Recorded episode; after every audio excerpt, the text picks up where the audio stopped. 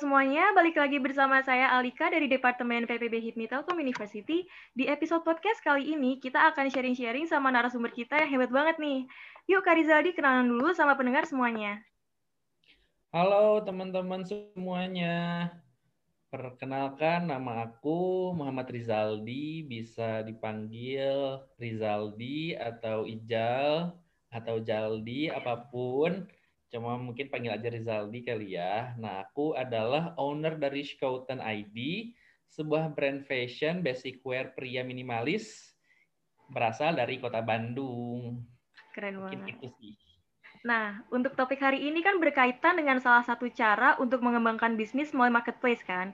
Mungkin kita akan bahas tentang Shopee ya untuk topik hari ini karena kebetulan okay, okay, Rizaldi ini tuh jago banget loh ngembangin bisnisnya sampai aduh, punya aduh, aduh, aduh. followers yang lumayan banyak loh di Shopee aku udah lihat sendiri. Aduh, aduh. Karena sekarang kan banyak nih yang mulai bisnis terus bukalah akun Shopee sebagai medianya kan, entah media pemasaran atau penjualan. Tapi banyak juga nih Bang yang belum paham tentang gimana sih cara develop bisnisnya melalui Shopee karena taunya kan ya buka akun aja tapi penjualan, iklan semua itu nggak kekontrol. Nah hari ini nih Bang Rizaldi hmm. bakal bantuin kita dengan ngasih insight-insight dari pengalamannya yang bermanfaat buat kita nantinya loh guys.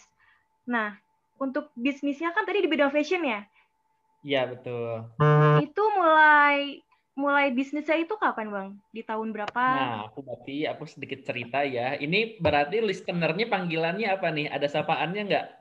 Atau teman-teman atau Panggil teman-teman juga nggak apa-apa. Teman aja ya. ya Oke, jadi gini teman-teman. Sebelumnya aku mau cerita. Nah, jadi eh, Scoutan ini itu sebenarnya adalah kayak dari project ya namanya dulu aku dari zaman SMA kayak udah suka mulai jualan-jualan gitu. Nah, baru aku tuh masuk kuliah 2015 di mana Scotland juga itu 2015 udah ada, cuman kayak aku itu adalah orang yang uh, masih sendiri lah gitu. Misalnya hmm. istilahnya single fighter lah, aku tuh kayak coba ngerintis-rintis, kayak aku dulu kayak sebelum itu kayak udah pernah bikin gitu loh, pernah bikin baju sendiri jadi kalau di Bandung itu ada satu daerah namanya Tamim atau di belakang Pasar Baru. Jadi di situ benar-benar kayak semua semua perbahanan untuk bikin clothing tuh di sana lah gitu. Aku pernah main ke sana, terus aku bikin, terus aku cobain, oh ternyata bagus dan ternyata ini kayaknya bikin sendiri itu lumayan mudah juga ya ternyata. Jadi untuk cerita awal-awalnya tuh kayak gitu. Jadi aku berawal dari cobain dulu apa bikin pakaian. Hmm.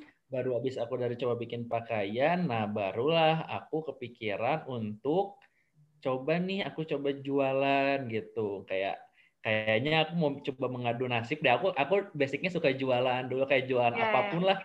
Eh, makanan lah dari zaman SMA itu. Nah, baru pas masuk kuliah eh sebelum masuk kuliah itu sekolahnya udah mulai udah mulai aku rintis sebenarnya. Oh Nah, dari situ aku coba jualan-jualan, aku coba foto sendiri, aku misalnya cari model sendiri, aku yang fotoin, aku yang edit. Aku dulu waktu itu mainnya masih di Instagram waktu yeah. itu tuh. Gue coba ngulik-ngulik di Instagram kayak gimana, sampai masuk udah masuk kuliah juga. Aku coba mulai ngebangun lagi jejaring-jejaringnya. Cuman karena karena memang nggak fokus dan karena aku sendiri itu juga, wah kayaknya ini. Dan Berat ya? saat Hmm, berat banget. Saat itu kayak masih belum kerasa lah aku jualan kayak aduh capek lah ini kayaknya. Aku masih belum ada masih urgensi. kuliah juga Betul, ya kan? Aku kayak masih nggak ada urgensi untuk jualan kayak gini. Jadi ya udah deh aku kadang masih jadi gimana aku gitu loh. Kadang kalau yeah. aku lagi mau jualan ya aku niatin aku urus. Kadang kalau enggak karena sibuk sama kuliah ya udah deh nggak keurus si Scouten itu. Berarti awalnya tuh pemakaian sendiri ya, terus ngerasa nyaman, bagus, keren juga. Tapi ada kayak omongan dari orang lain gitu nggak sih kak? Kayak, ih keren, jualan aja, gitu ya Iya iya. Nah dari situ sih pertamanya itu kayak aku bikin sendiri, terus kayak teman-teman aku ngelihat, eh ja kayaknya oke okay, kalau di sana tuh kayaknya oke okay, oke nih si kemejanya mau dong bikin. Nah dari situ tuh kayak aku ngeliat ada peluang, oh oke okay, kayaknya ini orang eh, apa? Kayaknya lumayan butuh juga gitu. Karena kan kalau untuk comparison saat yeah. itu tuh untuk kayak aku mainnya di kemeja priaan itu rata-rata kalau misalnya harus ke mall harganya lumayan kan. Ya, lumayan makanya aku waktu itu cari coba bikin. Karena aku tahu nih sih harganya tuh sekitar seginian lah. Ternyata ngebikin baju tuh ya aku ngambil cuan dikit juga kayaknya. Harganya udah jauh lebih murah banget daripada mereka ngambil kayak ke mall-mall gitu. Bro. Kayak aku mencoba ada sisi perspektif kayaknya oh ini bisa deh dicuan-cuanin walaupun ngambil cuannya dikit waktu itu tuh. Iya, berarti motivasi utamanya tuh apa Bang mulai mulai berani gitu motivasi nah, utamanya. kalau sebenarnya kalau dulu awal-awal sih karena ya karena ya suka aja ya. Suka aja bisnis itu aku suka bisnis. Kebetulan kakak aku juga ada bisnis juga sama juga pakaian. Jadi aku tuh eh, sembari aku aku tuh dulu kan masih kayak masih nggak aku jadi tanpa modal pas aku bikin terus aku tuh kayak malas juga. Karena dulu saat itu motivasi itu tuh belum ada sama sekali. Maksud aku tuh belum ada sama sekali itu ya aku masih mood mudan aja. Aku kayak passion suka jualan. Cuman kadang kalau misalnya aku lagi sibuk nggak itu ya udah aku nggak jualan. Nah aku itu masuk lagi permotivasian. Nah sedikit cerita juga. Dari 2015 16 masuk ke 2017 Nah, aku tuh di 2017 itu tuh biasalah kita anak-anak kuliahan mulai banyak kepanitiaan nih. Di, dari dua tahun berjalan tuh mulai banyak kepanitiaan. Yeah. Eh, aku juga waktu itu eh, banyak kepanitiaan, pegang satu acara juga, jadi ketua pelaksana. Di situ tuh kayak, oke okay, ini kayaknya di mana kepanitiaan kan lumayan menguras uang ya. Iya, benar banget. Mungkin kayak kayak belum lagi aku ketua kadang ada aja lah hal-hal yang harus aku uh, tambal-tambalin dikit-dikit mah yeah. gitu. Belum lagi perlu jajan juga perlu biaya lain-lain lah buat banyak buat, lah kebutuhan tambahan gitu ya bang? Betul uang-uang tambahan. Kayak aku motivasi motivasi singkat motivasi kecil itu sekedar dari itu sih jadi nggak nggak yang nggak yang besar besar banget lah nggak nggak apa tidak dilandaskan dari motivasi yang besar banget motivasi dari diri aku sendiri lah waktu itu. Kayaknya ini aku udah mulai butuh uang deh dan aku harus mulai berpikir gimana caranya aku ini harus mendapatkan uang di luar dari ya apa dari uang orang tua aku. Baru 2017 ini aku udah mulai ada skuter sebenarnya aku di 2015 itu udah kayak akun Shopee udah aku pernah buka Shopee itu 2015 awal-awal tuh yeah. kayak aku tuh udah tahu nih ada Shopee dan aku sekedar bikin dulu aja walaupun gak diaktifin lah karena aku juga kan gak ada belum yeah. belum belum fokus ada mm, belum fokus dan dulu ada urgensi nih dari akunnya sendiri baru deh di 2017 titik awalnya di situ aku baru mulai jualan lagi udah nih ya starting yeah. jualan deh Berarti itu kalau setelah aku... lulus ya, Bang? Iya. Setelah lulus atau masih kuliah di 2017? Masih eh masih kuliah dong. Berarti itu aku 2015, 16, 2017 tingkat tiga deh berarti itu tuh. Oh, eh tingkat boleh. tingkat tingkat dua deh kayaknya. Tingkat dua ketiga lah 2017 tuh. Okay. Tingkat dua ketiga ini kayaknya oh ini tidak akan alright nih kalau misalnya apa uh, uang jajan segini udah kepotong buat main lah, buat kepanitiaan lah, buat apa, buat rapat dan lain-lainnya lah. Iya. Kayaknya nih harus deh start kita start buat digarap lagi. Nah dari situ sih turning point aku buat ngelanjutin si scoutan lagi. Keren banget sih. Berarti pertama mulai bisnis itu platformnya itu apa bang? Kalau aku pertama mulai bisnis itu di Instagram Nah, sedikit cerita juga nih, mungkin dari teman-teman pebisnis mula ya, karena aku mungkin aku ya. mengharap dari teman-teman di sini mungkin ada yang udah mulai jalan, ada yang baru banget. Aku pun merasakan banget lah pertama aku starting, aku coba pakai Instagram. Dulu aku mikirnya ketika Instagram itu oh berarti kita ada harus ada foto kan. Pertama sudah ada foto, foto katalog nih. ya, Bang. Katalog bener, coba foto katalog, upload nih, upload dari upload coba nih minta bantuan share-share ke teman-teman deh. Itu langsung rame bang? Ya? Langsung rame gitu respon? Nah, enggak ya malah itu. Nah ini nih ceritanya itu. Oh, iya. Gimana ceritanya itu langsung nah. masuk aku apa dulu uh, lain lah line ad dulu sekarang kayaknya line ad udah mulai berkurang deh. Line ad ya. di share aku minta broadcast ke teman-teman semuanya lah kayak foto udah di oke. Okay. Uh, eh, apa aku udah ngerasa pede gitu lah ya kayak buat jualan ini. Nah ternyata faktanya kayak wah ini aku malah nggak ada penjualan lah dari kayak aku misalnya launching produk terus aku misalnya nge-share-share minta bantuan ke teman-teman tuh malah semuanya nggak ada gitu. Terus aku mikir wah aja ternyata memang tidak semudah itu gitu untuk berjualan di Instagram tuh bukan hanya sekedar foto upload, share dan langsung duduk manis nunggu orderan nih mana nih ada yang nanya terus ada yang langsung beli langsung beli ternyata tidak semanis itu gitu pas aku mikirnya itu pas yeah. pengalaman aku di situ tuh. Nah barulah dari Instagram, nah itu jadi pertama kali aku jualan di Instagram ya caranya eh, apa? Aku pertama kali jualan di Instagram dan pengalaman aku ya tidak semanis semulus itu kok jualan di Instagram tuh. Ada aja kendalanya ya berarti. Betul, kayak ternyata harus banyak persiapan, belum lagi ternyata kalau Instagram kan kita mainnya visual ya. Benar. Nah, kalau visual kan itu perlu di-maintain, perlu ada yang megang orang kontennya, konsisten.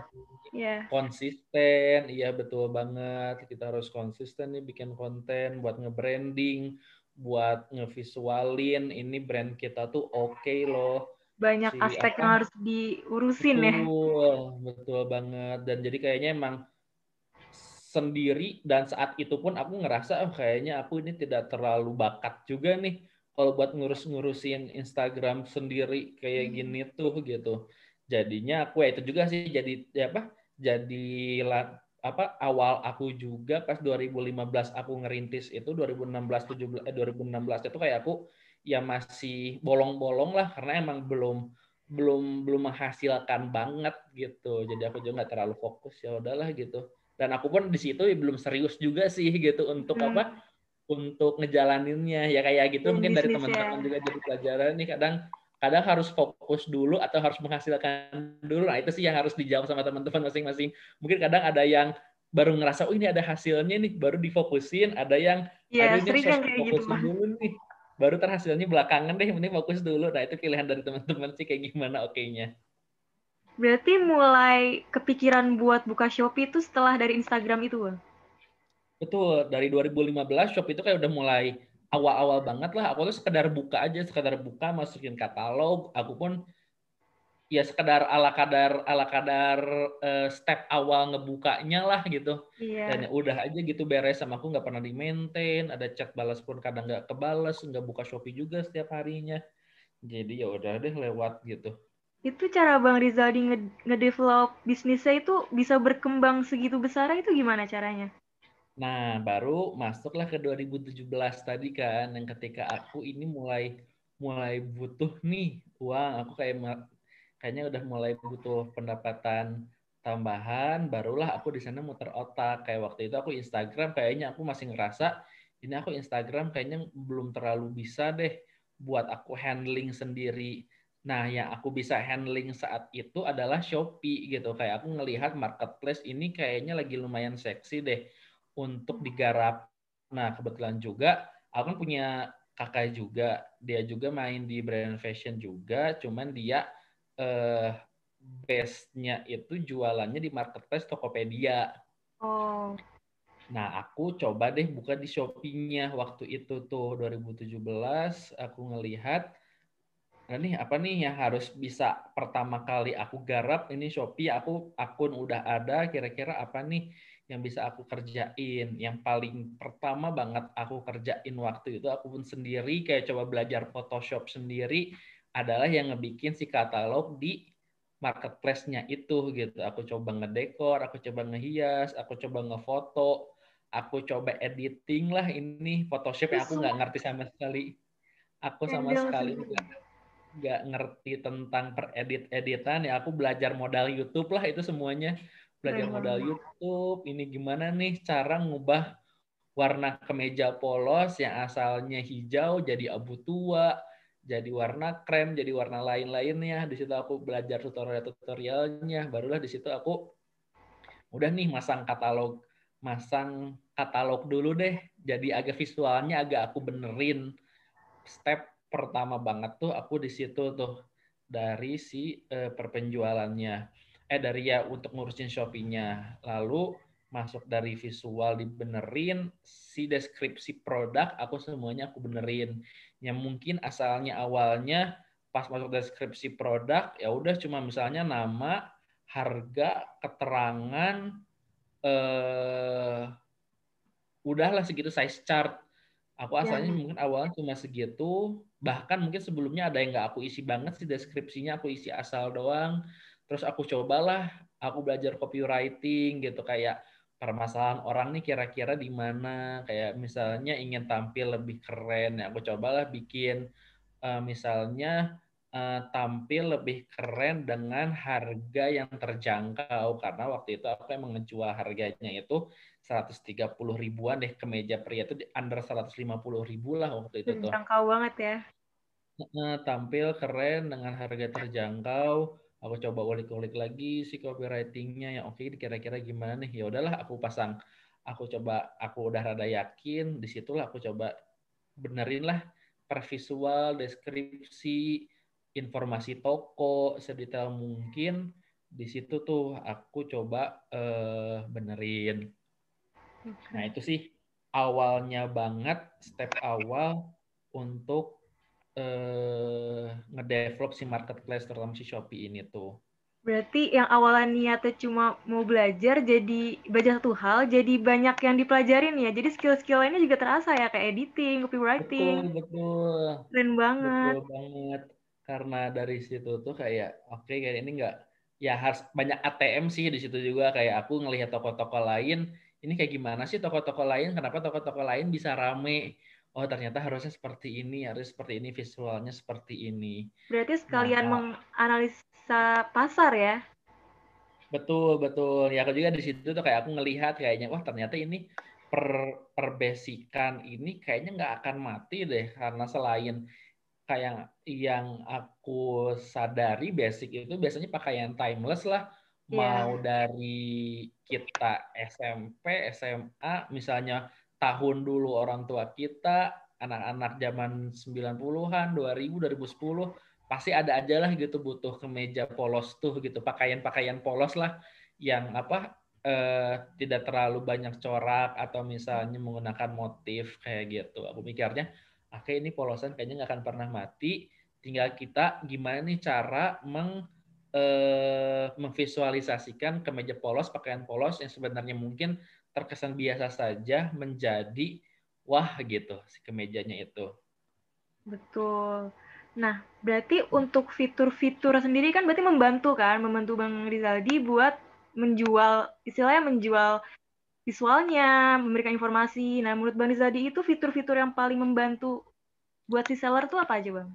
Nah, oke, okay. masuk berarti langsung ke masuk ke Shopee-nya. Nah, aku sedikit cerita lagi Flash Play dari 2017 mungkin teman-teman uh, pendengar bingung nih, mungkin udah tahap udah di tahap kayak aku sebelumnya udah masukin apa?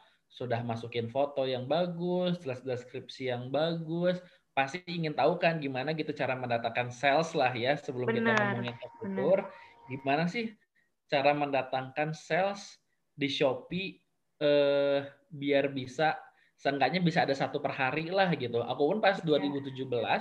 pas aku mulai ngeaktifin Shopee ya sama aja gitu, belum terlalu nggak terlalu banyak lah mungkin sehari kadang ada yang nggak ada, seminggu ada yang nggak ada. Itu Cuma kayak harus kayak gitu, Bang. Betul, kayak aku kayak ini, kayak mulai mulai apa? Mulai pesimis lagi kan waktu itu pas aku udah iya. semangat mengubah-ubah kayak gitu tuh belum tentu belum tentu oke okay, gitu dari si sales tuh. Iya.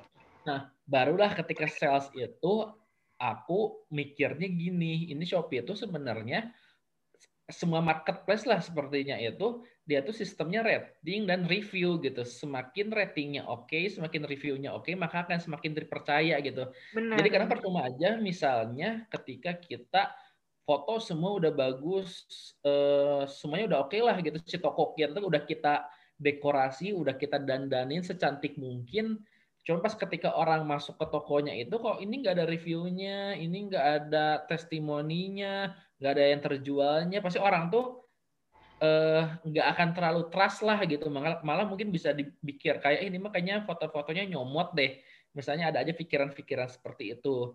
Nah waktu itu pertama kali langkah aku itu aku menutup nggak aku nggak menutup aku memindahkan semua jalur distribusi sales aku aku fokusin ke Shopee jadi kan aku tuh udah sambil jualan juga kan di Instagram. Ada-ada aja lah gitu kadang yang masih nanya sama aku di uh, apa aku prospek buat untuk pembelian ke Shopee ya, untuk pembelian ke Shopee ya. Dari oh, lah kadang dari teman-teman aku juga yang misalnya mau beli semuanya aku arahin di Shopee gitu. Jadi kan di situ udah mulai terbangun nih sales, ada review juga. Nah, barulah dari situ kayak mulai ada nih orang-orang asing pembeli organik yang beli ke toko aku gitu. Asalnya aku mikir ini teman aku bukan datang dari Instagram bukannya oh ternyata ini orang yang benar-benar aku nggak tahu sama sekali. Oh mulai ada nih satu sehari, satu dua hari eh, eh satu hari dapat dua orderan, satu hari dapat tiga orderan, satu hari dapat empat orderan dan di situlah apa mulai mulai di maintain si akun Shopee aku. Nah di situ aku baru mikir, oke, okay, kayaknya ini aku dapat misalnya tiga orderan sehari aja udah lumayan lah gitu buat nutup nutupin uang jajan mah gitu buat hari-harian. Ya. Nah di situ sih aku eh, apa mulai mulai agak ngeseriusin di perjualan Shopee aku ini walaupun aku kayak belum belum belum terlalu berpikir jauh sih ini akan semakin besar atau semakin besar. Ya udah berarti ada sehari karena emang waktu itu masih pecah banget kan sama kuliah organisasi dan lain-lain. Eh jadi ya udah ini ada orderan uh, satu hari lima aja udah syukur banget lah ini gitu. Aku maintain terus aku balas-balasin chat aku semangat ya. nanya-nanya review gimana. Jadi waktu pas misalnya sambil kuliah itu kadang masih suka ada chat-chat masuk kadang aku suka curi-curi aja gitu wah ini ada customer nanya eh yaudah aku balas dulu lah ini itu di kelas posisinya padahal ya apa lagi di kelas posisinya itu. Iya kayak waktu pas masih di kelas gitu kayak ah, udahlah ini kayaknya ada customer nih mau udah harus di prospek nih biar dia langsung check out nih bener dia langsung check out langsung bayar dia kayak keren, senang keren. aja gitu ngelihat orang-orang apa bisa terprospek gitu sama aku bener, gitu bener. Nah barulah dari sana 2017, 18, eh, 19 Nah, dari 2019 aku di situ udah beres kuliah.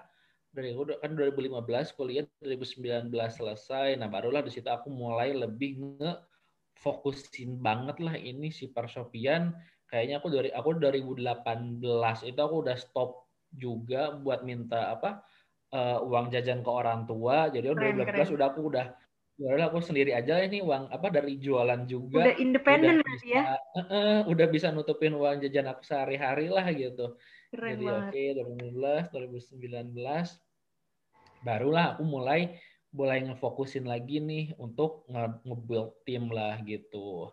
Nah, balik lagi nih sekarang yang tadi fitur itu ya, sebenarnya ada fitur-fitur apa aja sih yang eh, teman-teman harus tahu untuk di Shopee ini tuh gitu. Nah, untuk fitur-fiturnya sendiri eh, Shopee itu tuh kalau menurut aku ada dua sih yang harus teman-teman perhatikan banget tuh yang pertama visual tetap visual visualnya harus oke okay. eh tiga sorry pertama visualnya harus oke okay nih jadi foto-fotonya kalaupun teman-teman reseller misalnya ada yang reseller nih di sini listener uh, podcast ini teman-teman kalau bisa harus ngefoto sendiri aja. Yang bikin ini emang original dari tokonya teman-teman gitu. Udah visualnya oke okay, deskripsi produknya oke okay, harganya juga oke. Okay, maksudnya harga oke okay di sini teman-teman harus riset lah gitu. Teman-teman nggak bisa uh, asal pasang harga ketika teman-teman jualannya emang uh, apa emang uh, awalnya banget tuh dari Shopee gitu. Apalagi kalau misalnya produk-produk reseller gitu ya. Misalnya teman-teman juga harus ngeriset harga-harga orang lain segimana sih gitu. Nah teman-teman juga kalau mau jual fokusnya di Shopee ya harganya nggak bisa terlalu jauh lah gitu. Mungkin marginnya nggak bisa terlalu besar dulu, cuman ya sama lah gitu dengan kompetitor-kompetitor lainnya. Karena memang emang lumayan sulit juga sih ketika misalnya kita jual aku aku nih misalnya jual kemeja di Shopee itu harga itu banyak banget yang harganya di bawah seratus ribu, enam puluh ribu banyak, delapan puluh ribu benar. banyak. Nah aku itu harga seratus tiga puluh sembilan ribuan. Nah aku tuh bisa kebantu sama si visual aku yang oke, okay, terus misalnya dengan apa review testimoni yang udah lumayan cukup banyak gitu. Kalau misalnya teman-teman baru nih, teman-teman baru masuk ke Shopee, mau langsung jual harganya 300 ribu gitu, walaupun visualnya oke, okay, kalau menurut aku 300 ribu itu teman-teman harus memiliki branding yang kuat juga gitu. Jadi kalau misalnya 300 ribu untuk jual fokus pakaian dan jual fokusnya di Shopee, menurut aku itu nggak terlalu masuk deh ya. Harus dibantu dengan branding di Instagram mis, mis, apa misalnya dari baru dari Instagram brandingnya oke okay, ditariklah traffic salesnya untuk ke Shopee. Berarti agak itu susah yang ya. tadi yang pertama itu betul kalau misalnya langsungnya harga harganya banyak soalnya Shopee kan emang emang apa emang kita banyak bersaing juga sama orang-orang pasar ya orang Benar. pasar misalnya masuk pasar itu yang pemain besar lah gitu pemain besar grosiran terus misalnya ya ada juga yang langsung dari konveksi-konveksi besar juga gitu yang main di situ tuh. Jadi harga tuh pasti selisih 10 ribu tuh akan sangat-sangat dipertimbangkan lah oleh oleh bayar-bayar Shopee itu gitu.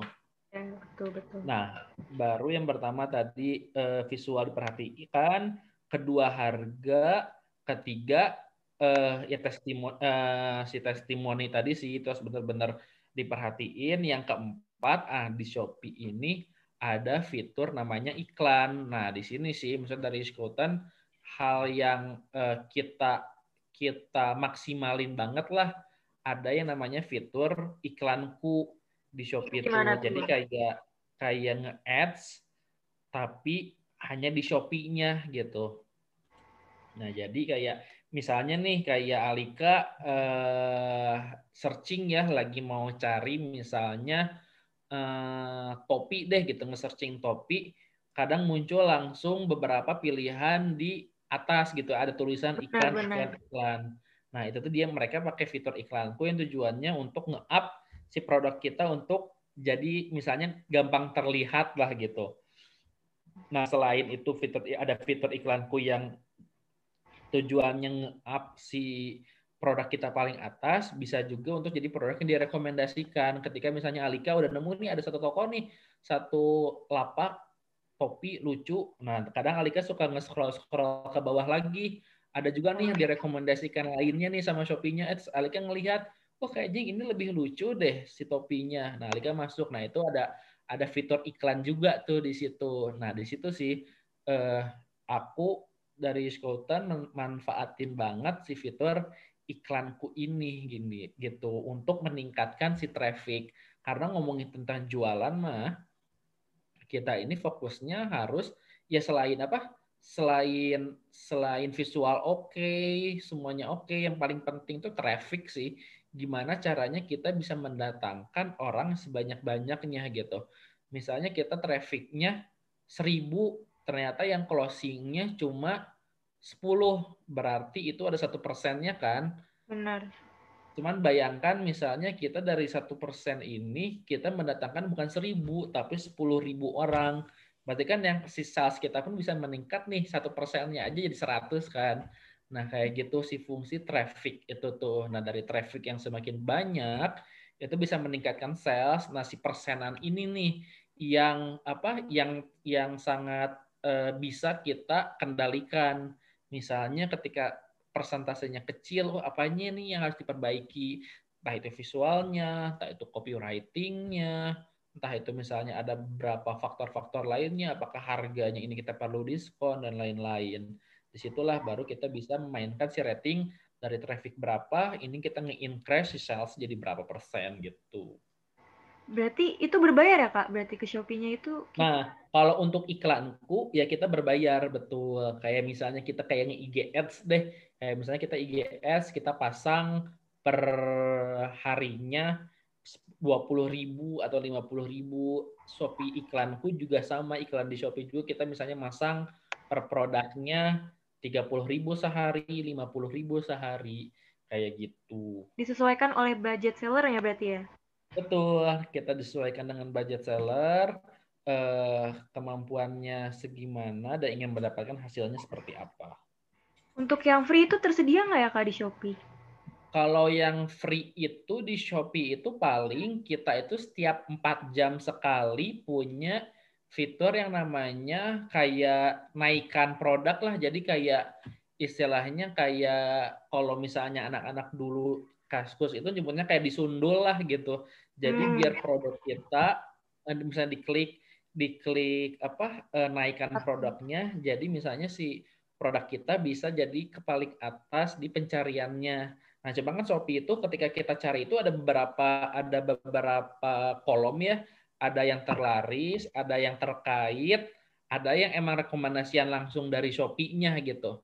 Nah, biasanya kalau kita kayak ngiklan yang cuma nge-up yang free-nya itu masuknya tuh yang di terkait hmm. produk terkait dan itu pun ya biasanya eh, kalau aku dengar yang setahu aku sih memang harus memang harus selalu sih itu eh memang harus selalu kita maintain setiap empat jam sekali kita kita naikin kita naikin biar produk kita bisa uh, naik terus ke paling atas. Ya, maksimal juga Tapi ya. Bukan di terkait deh yang di terbaru kalau misalnya produk kita kita naikin tuh. Oh gitu ya. Berarti tergantung seller ya mau yang pakai yang free atau mau berbayar itu terserah betul, kita betul, keputusan betul. kita. Cuman kalau misalnya saran dari aku kalau misalnya dari teman-teman pendengar nih udah mulai ada sales, oh ya dan mulai ada sales di di apa di Shopee-nya bisa tuh dicoba iklannya. Nah, tapi kalau misalnya belum ada sales, belum ada review eh, dan testimoni, mending kalau kata aku jangan dulu ngefokusin ke iklan, tapi fokus dulu aja nyari traffic uh, untuk si review produk gitu. Entah mungkin misalnya ada temennya kah atau misalnya teman-temannya, misalnya customernya di WA nih, customernya dia biasa jualan di WA, ya udah teman-teman alihin dulu deh ke Shopee gitu. Untuk si transaksiannya. Atau enggak misalnya dari teman-teman ada yang uh, jualannya ngedropshipping, nah bisa dari misalnya transaksinya di WA, ingin COD, dibelinya ke Shopee gitu. Pokoknya dialih-alihin aja ke Shopee gimana caranya si rating sama review di Shopee itu terbangun. Biar terpercaya dulu ya berarti ya baru nyari. Betul, betul. Nah, baru kalau udah terpercaya, barulah kita suntik sama iklan ya gitu kan pasti dari teman-teman pendengar juga kalau misalnya diposisikan sebagai buyer pun misalnya ada produk paling atas terlihatnya oke okay, tapi nggak ada review sama rating kayaknya nggak akan terlalu percaya kan gitu. Jadi beli gitu ya. Betul. Yang lebih laris berarti kan? Kayak gitu biasanya. Iya, malah sebenarnya kalau Shopee sangat-sangat seperti itu sih. Mungkin kayak di iya, marketplace ya, ya semakin banyak yang apa seller yang terjual tuh kemungkinan dia semakin tingginya tuh iya. semakin besar sangat-sangat memungkinkan gitu. Karena kan orang selalu inginnya yang review reviewnya bagus, ratingnya oke okay, kan? Iya benar. Belum tahu barang aslinya gimana juga kan ya bang? Betul, cuman karena kebantu lah gitu ngelihat ngelihat misalnya ada satu produk nih review ratingnya oke okay, pas ngelihat review-review orang-orang lain pada puas ya kita pun ya walaupun kita misalnya nggak ngelihat barangnya kita jadi ikut percaya lah gitu untuk beli gitu Keren banget nih penjelasannya. Banyak hal-hal yang baru saya tahu juga ya dari penjualan Shopee harus gimana. Teman-teman kan juga pasti udah paham kan, udah mulai paham lah istilahnya dengan gimana sih cara kita ngembangin bisnis yang baru kita rintis melalui marketplace untuk kasus ini di Shopee ya. Nah, untuk Bang Rizali sendiri ini ada tips-tips atau hal yang mau ditambahin nggak buat pemula-pemula di dunia marketplace? Nah, kalau dari tips-tips, paling kalau dari aku itu sih misalnya dari teman-teman uh, misalnya misalnya jualan sendiri aku uh, ya atau jual sendiri atau tim lah tetap sih yang dikuatkannya di visual pertama visual produknya gitu ya foto-fotonya dibenerin si copywritingnya dibenerin barulah coba naikin traffic dulu tuh awal-awal untuk si tipsnya itu bikin transaksian dulu aja sebanyak-banyaknya dulu di marketplace di Shopee itu tuh. Iya, ya benar. Ada lagi mungkin info tambahan?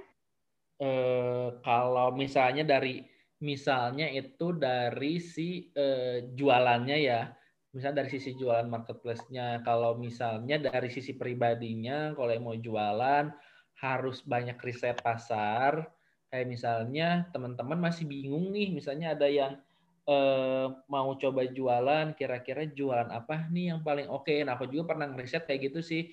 Misalnya coba cek dulu deh di Shopee eh, produk apa sih yang lagi rame. Misalnya kayak ngeprint foto deh gitu, print foto kayak Polaroid Polaroid gitu. Ini marketnya sebesar apa sih? Dan biasanya itu bisa jadi riset pasar juga sih.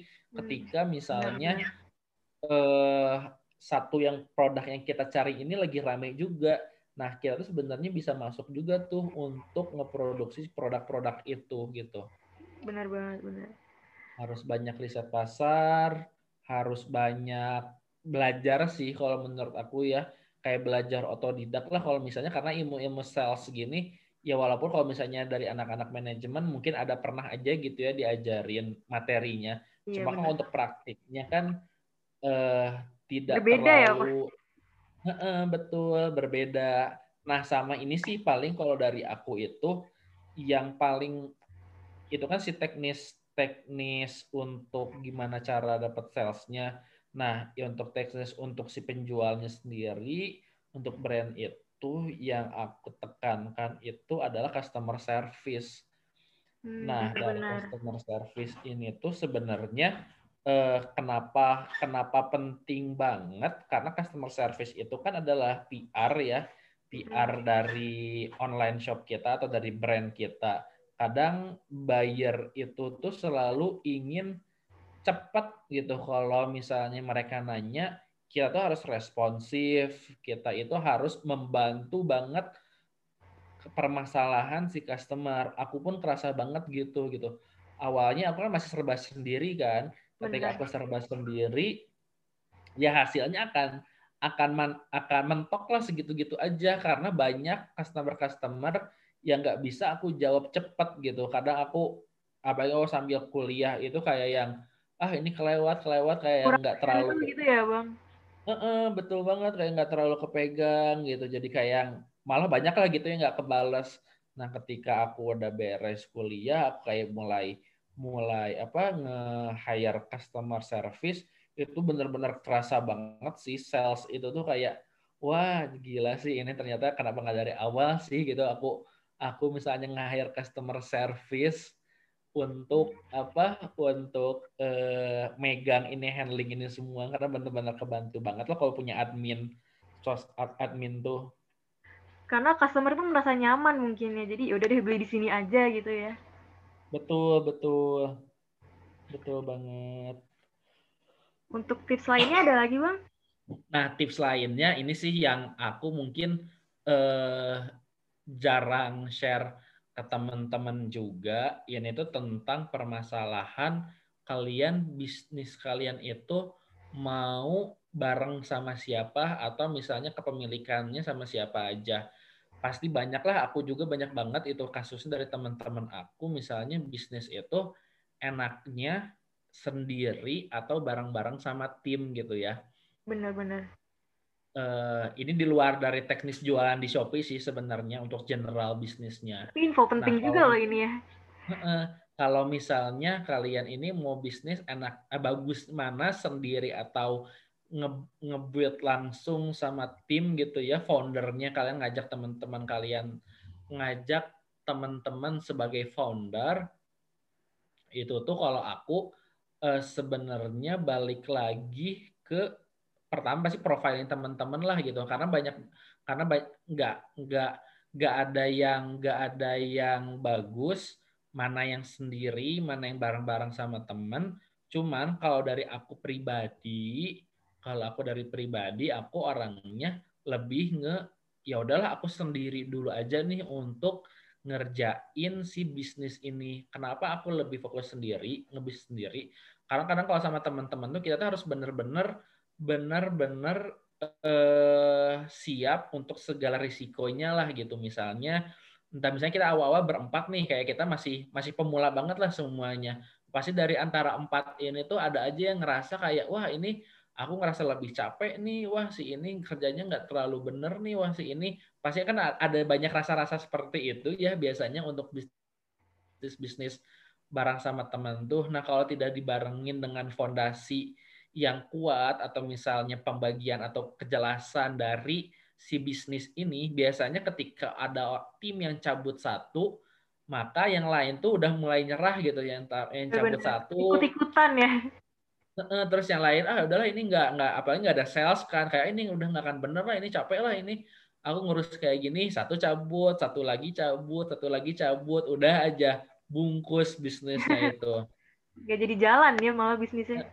biasanya nggak jadi jalan. Nah kalau aku, eh, tapi yang pilihan lagi ya, kadang kadang kenapa kita butuh jadi ada founder banyak mungkin untuk melengkapi kali ya, ada melengkapi ya, benar, benar. satu mungkin di bidang marketing, satu di bidang misalnya operation, produksi, satu lagi di bidang kreatif. Nah, cuman emang kalau dari situ memang kita harus harus serapih mungkin mendetailkan dan mendelegasikan ini siapa nih yang jadi head atau jadi leadernya itu siapa gitu.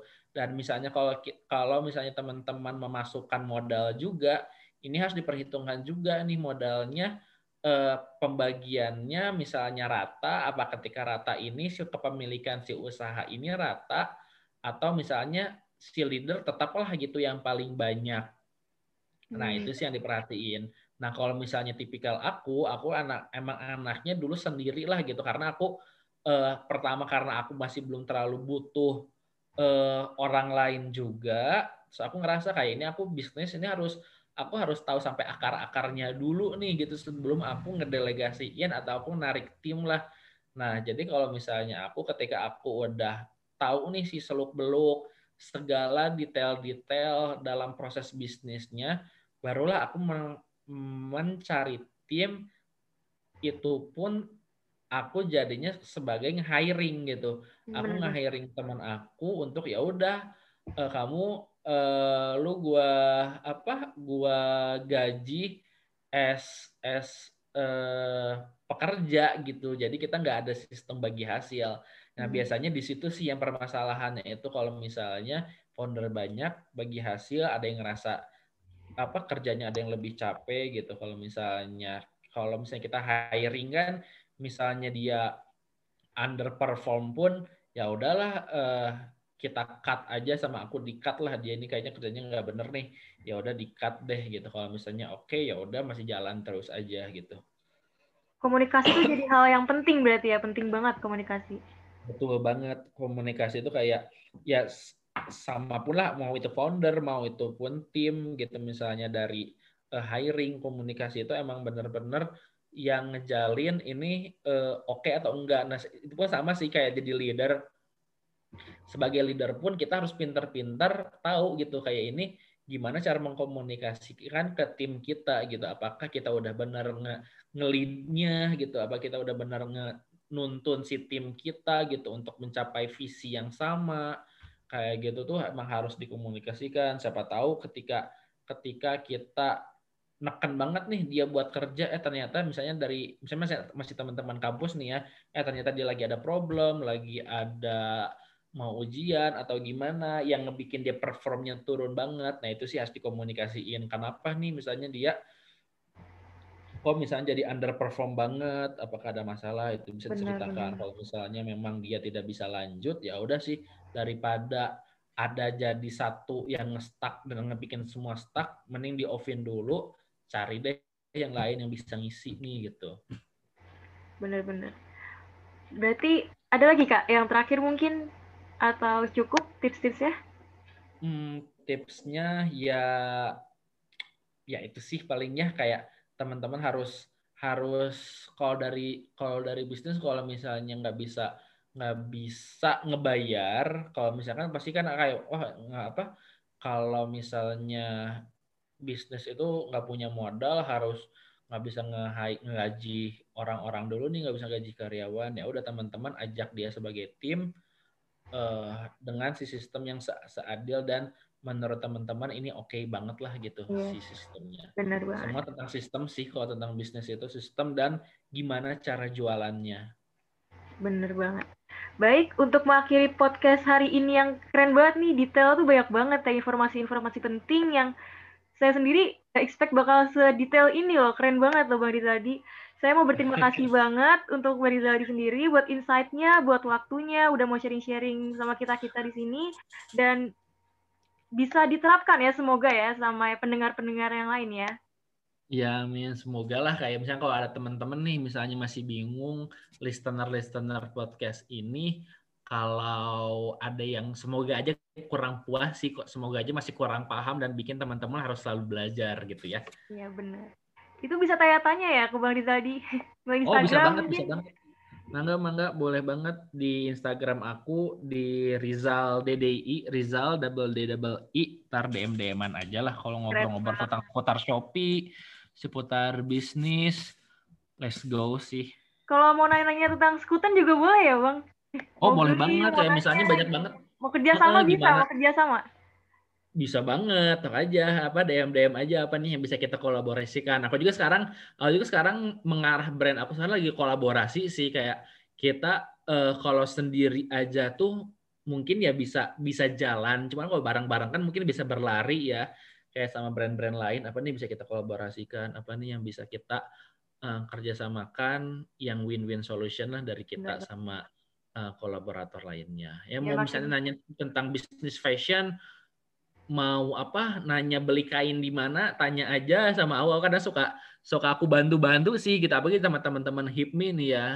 Oh, kayak oh, gitu. sampai nanya-nanya tukang jahitnya di mana ya aja gitu tanya-tanya aja gitu paling ya harus ngobrol harus kenal dulu sih sama aku ya kalau misalnya iya, teman-teman ya, teman-teman nggak kenal gitu sama aku langsung tiba-tiba nanya ini di mana tukang jahitnya nggak akan aku balas juga sih pasti iya padahal biasa kayak gitu rahasia penjual ya bang. Tapi keren banget loh ini mau sharing.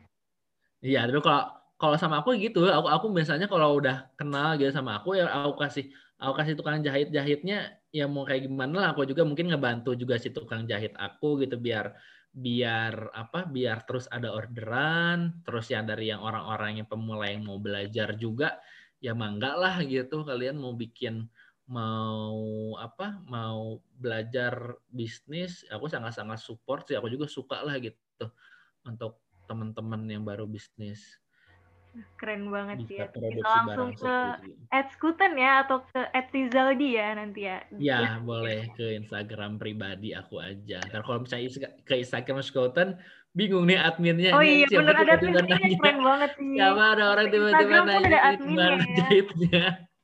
Tapi blok sama Mimin sama Mas Al. iya bener.